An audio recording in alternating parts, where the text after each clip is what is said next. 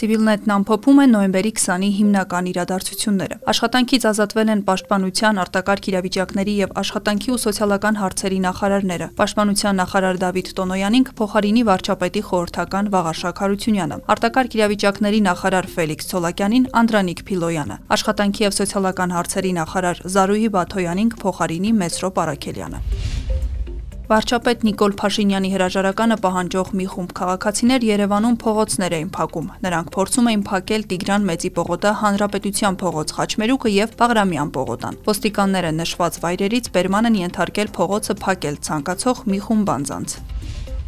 Ռուսաստանն ընդլայնում է Արցախում տեղակայված իր հումանիտար աջակցության կենտրոնի հնարավորությունները։ Այս մասին հայտնում են Ռուսաստանի պաշտպանության նախարարության մամուլի ծառայությունից, նշելով, որ խաղաղ կյանքը Ստեփանակերտում վերականգնվում է։ Հաղորդագրության մեջ նշվում է, որ Ռուսաստանի պաշտպանության նախարար Սերգեյ Շոյգուի ցուցումով Լեռնային Ղարաբաղում հումանիտար բնույթի խնդիրների ամբողջ համալիրի լուծման համար հումանիտար արձագանքման ոչ գերատեսչական կենտրոնի կազմում ձևավորվել են լրացուցիչ 5 կենտրոններ։ Մասնավորապես ստեղծվել են հումանիտար ականաձերծման հակամ հակամարտող կողմերի հաշտեցման, տրանսպորտային ապահովման, բժշկական ապահովման եւ առևտրակենցաղային ապահովման կենտրոններ։ Հումանիտար արձագանքման միջկերատեսչական կենտրոնի կազմակերպչական կենտրոնը Ռուսաստանի ռազմատրանսպորտային ավիացիայի ինքնաթիռներով արդեն հասցվել է Լեռնային Ղարաբաղ եւ նոյեմբերի 20-ից Զեռնամուխ կլինի առաջնահերթ միջոցառումների իրականացմանը, նշել են ռազմական գերատեսչությունում։ Նոյեմբերի 19-ին Հայաստանից Արցախ է վերադարձել եւս 1235 փախստական, հաղորդում են ռուսաստանյան խաղաղապահ ուժերը։ Նոյեմբերի 14-ից մինչ օրը Ստեփանակերտ է վերադարձել շուրջ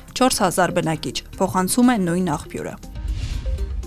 Պաշտպանության բանակը հրապարակել է 44-օրյա պատերազմում զոհված եւս 28 զինծառայողի անուն։ Սեպտեմբերի 27-ից մինչ օրս հրապարակվել է զոհված 1632 զինծառայողի անուն։